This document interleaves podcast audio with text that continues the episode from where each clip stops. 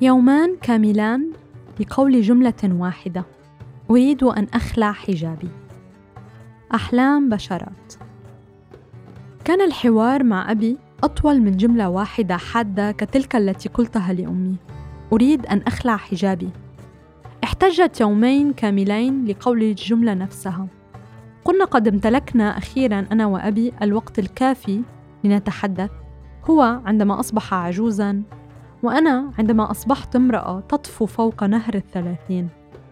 نصبح أنا وأبي أحيانا شخصين يتربصان ببعضهما البعض ولا نحاول أن نقفز عن الصخور التي تباعد بيننا إلا مرغمين. أظن أن صراعنا ظل قائما على اللغة. هذا الرجل الذي منه امتلكت سر الكلام ورددت في طفولتي على حكاياته بحكاياتي. ينظر إلي الآن فيراني كيف أفرط لغتي في صحنه؟ فيرد على حكايتي بحكاية من عنده. كبرنا أنا وهو فتبادلنا الأمكنة. لكننا ما زلنا ساردين لمتعة الحكاية وليس لخيلاء الخبر. تساءلت دوما ما برج أبي؟ لو أعرف شهر ميلادي ساعة ميلاده. هذا الزوج الذي ثبتت زوجته في خمسينيات القرن الماضي عمره في سجلات القيد. بينما كان هو يهرس العنب بجزمة بلاستيك في مصنع في ألمانيا فلم تسامحه الشابة التي أصبحت عجوزا حتى الآن على غيابه في ساعة تثبيت نفسه في الحياة خصوصا بعد أن عاد خائبا وخسرت ما أدخرته لتزويد رحلته. نغلق حوارنا أنا وأبي سريعا وننسحب كل واحد في ثيابه. في الحقيقة ما زالت حتى اليوم أضع لحواراتي مع أبي خطة قبل أن أتقدم فيها. وأفكر أن المسألة بين الرجل والمرأة تبدأ من هنا. من المسافة الواصلة بين البنت وأبيها قبل أن تبدأ بين المرأة وزوجها.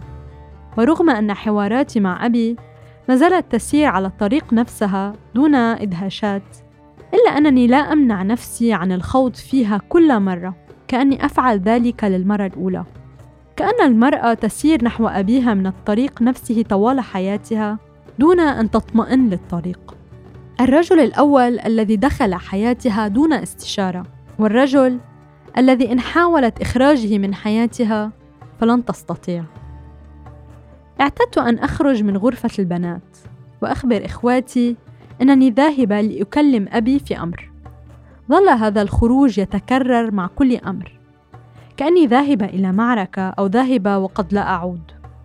وحتى لا أظلم أبي. سأقول أنه كمعظم الآباء في مجتمعاتنا الشرقية رجل يختبئ وراء نفسه من أبنائه. وينجح معظم الوقت في جعلهم يصدقون أنه رجل غريب. كنت أترك إخواتي في وجوم وترقب وأتقدم. كان خوفهن يخيفني.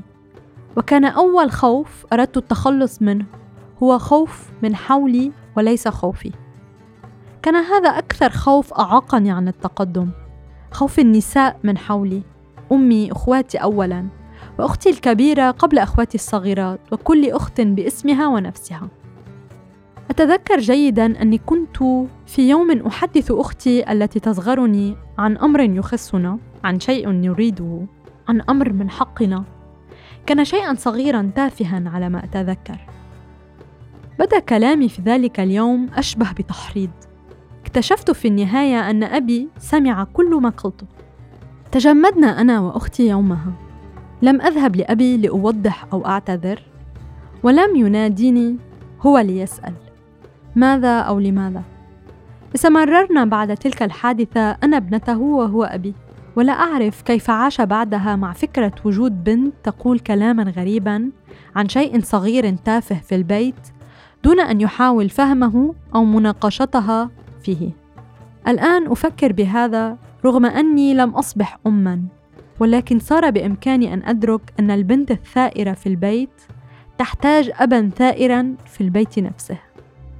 في صباح ذلك اليوم من كانون الأول عام 2011 حمت حول أبي بدأ أبي كأنه تقاعد عن العمل في الزراعة هذا الصباح على وجه التحديد وبدوت كأني كبرت هذا الصباح على وجه التحديد. فأصبح أبي ينظر إلى نفسه على أنه رجل يمتلك وقتا لتضييعه في الصبر. على سرد قصة يستمر سردها يومين وكان أبي وما زال صبورا على اللغة يستمع إليها ويتنهد تلك التنهيدة الطويلة. آه ثم لا يتلوها بكلمة واحدة ولا أفهم أين يذهب كلامه الذي لم يقله. لطالما أحسست أن لدى أبي في جوفه مكانا سريا يخزن فيه الكلام الذي لا يكمله. عندما ينسحب ويترك من يحدثه مشدوها يتساءل عن حديث اختفى فجأة. كانت وما زالت صورة أبي وهو ينسحب من حواراته بطريقة غرائبية. مشهدا في واحدة من روايات الواقعية السحرية. حمت حول أبي منذ الصباح مثلما كنت أفعل قبل ثلاثين عاماً. كلما قرر الذهاب إلى مدينة نابلس بسلته الخضراء فيفهم من حومي ما أريد. أريد شيئا جديدا. أريد المدينة. أريد طعما منها أو رائحة. أو أريد أن أرحل إلى هناك. لكن صوتي لم يكن يخرج من فمي. كنت طفلة صلبة لا تنطق بحاجتها بدافع التقدير فاستبدلت صوتها بالحوم وظلت أمي تردد على سماعنا نحن أطفالها. وهي تدعونا للسكون المثل القائل النوم ولا الحوم. فتحثنا على استبدال الجلبة بالصمت والثورة بالخضوع والصحة بالخمول واليقظة بالثبات. والآن أنا امرأة بالغة وها أنا ذا أحوم حول أبي. بين أشجار الليمون والياسمين والمشمش والزيتون الأشجار التي زرعتها في حكورة البيت لتظلل مرور أمي وأبي من الشمس ولتنثر الرائحة فوق رأسيهما في فضائه. استطاعت الشمس في ذلك اليوم أن تسطع بقوة رغم برد كانون. نقلت كرسي أبي فوق الصخر الذي غيرته إلى بلاط حتى لا يسقط وهو يمشي وحتى يرتاح عندما يعثر على مكان يستلقي فوقه تحت أشعة الشمس كلما خرج من باب البيت إلى الساحة في إجازته الطويلة التي ابتدأت رسمياً عام 1997 أشرت إلى الشمس قائلة ما أجملها دون غطاء الغيوم كان أبي رجلاً عرف الشمس أكثر مما عرفها الشعراء والنحويين. ظل يتنقل تحت السماء مباشرة في العراء سبعين عاما من عمره. فهز أبي رأسه وسألته عن هذه القطعة البيضاء التي تغطي شعره عن الشورة التي يضعها فوق رأسه. لم تكن الكوفية الفلسطينية إنما قطعة بيضاء فوقها أسود مثل حنيش مطوي بفعل فاعل. كانت أمي تلقي قطع الغسيل البيضاء ومنها شورة أبي في سخان ماء يغلي وتلقي فوقها حجز النيلي كان البياض ينطفئ بالزرقة وكانت الزرقة تتسلل إلى مسام البياض. كأنها دم يتسلل تحت جلد إنسان فتنسج لوجودها معنا دون أن تعلنه. ظل الأزرق النيلي طوال طفولتي ويافعتي يمثل حركة سرية تتخفى تحت البياض. رأيت بأم عيني كيف ضحى لون فائز بنفسه كي يفيض لون آخر بارد بخيلائه. سألت أبي ما الذي يضيفه هذا الغطاء لك؟ قال أنه يقيد من الشرد والبرد. فسألته لماذا لا يضعه منهم؟ أصغر منه سنا من الشباب إخوتي وجيلهم وحتى الجيل الثاني أو الثالث قبل أن نصل للرابع. ولماذا كان الغطاء مرة طربوشا ثم صار كوفية وضعت على الرؤوس والأكتاف. ولماذا هي بيضاء ناصعة معه ومع غيره من أبناء جيله تشبه تلك التي تضعها النساء في بعض القرى القريبة؟ أجاب أبي عن أسئلتي كيفما أتفق. كان تعبير كيفما أتفق هو الأنسب لوصف ضياع المعنى في لغة أبي وهو يحاول الإجابة. وعرفت سر هذا الضياع في اليوم التالي. كان أبي يلقي بإجاباته كيفما اتفق؟ لأن عقله كان في مكان آخر. اعترف لي في صباح اليوم التالي أنه لم ينم الليلة الفائتة وأنه ظل يسأل نفسه ما الذي تريده البنت من هذه الأسئلة؟ وقال أن عنقه تشنج بسبب تلك الليلة الطويلة القلقة وحاول أن يدور رأسه فلم يستجب رأسه له. كانت الأسئلة قد جمدت عنق أبي في تلك الليلة. ثم حللت له اللغز وألقيته أمامه.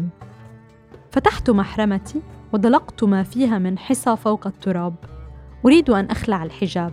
سألني مباشرة لماذا؟ وفكرت أن الصدق وحده منجاتي فعندما أكون صادقة سيكون صوتي قويا. وعندما يكون صوتي قويا قد لا يخاف أبي. وكنت قد استدللت بقلبي أن ما يفعله الآباء تجاه أبنائهم منطلقه الخوف أيضا. ليس خوفهم فقط بل الخوف من حولهم إذ يصبحون حراسا على هذا الخوف ويصبحون خدما له. عندما يناديهم من دواخلهم فيخرجون من غرفهم ليطعموه. فأجبته لأني لا أحبه. وأتبعت كلامي فتحول الحجاب لكائن وهو لا يحبني. لم أفكر بالدين ولا بالسياسة ولا بالشعارات الرنانة. ولا بماذا نادت النساء ولا لماذا أردنا كنت وحدي دون جماعة. لم أنضو طوال حياتي في أي مجموعة سياسية أو فكرية أو مطلبية لكني انضويت في مجموعة سرية ثائرة في نفسي اسمها الأسئلة. فكررت مرة أخرى وأخرى وهو لا يحبني. وفجأة وجدتني وحيدة أمام غطاء رأس أبي الأبيض الناصع وغطاء رأس الملون وأمام أبي نفسه. بدأ أبي هادئا أولا لكن هدوءه لم يخدعني. كنت أعرف أن معركتنا هي معركة لغة. صمت ثم اختيار للكلمات ثم اختيار للتوقيت المناسب لقولها. قالت لي أختي محذرة هذا اليوم ليس هو اليوم المناسب لكن أصررت فأنا أعرف أن كل يوم سيظل يوما غير مناسب لما سأقوله. ارتفع صوت أبي شيئا فشيئا. سبقت كلمة الناس اسم الله وسبقت كلمة العيب كلمة الحرام. ثم سرعان ما طور الكلام نفسه بنفسه فحل الله في البداية ومعها كلمة حرام. ثم تلته كلمة ناس ومعها كلمة عيب. أربع كلمات كان من السهل أن تقف مع أي أحد فيبدو على حق. وكان من الطبيعي أن تمنحه منذ البداية إشارة على النصر. وها قد وقفت هذه الكلمات مع أبي ضدي ووقفت مع الغطاء ضد شعري. هذا الشعر الذي ظل مكشوفا حتى عمر الثالثة عشرة ثم أسل عليه الغطاء مرة واحدة فجأة. كما أسل على رأس كل بنت أعرفها من عمري في القرية التي أعيش فيها والقرى المجاورة التي تحيط بها.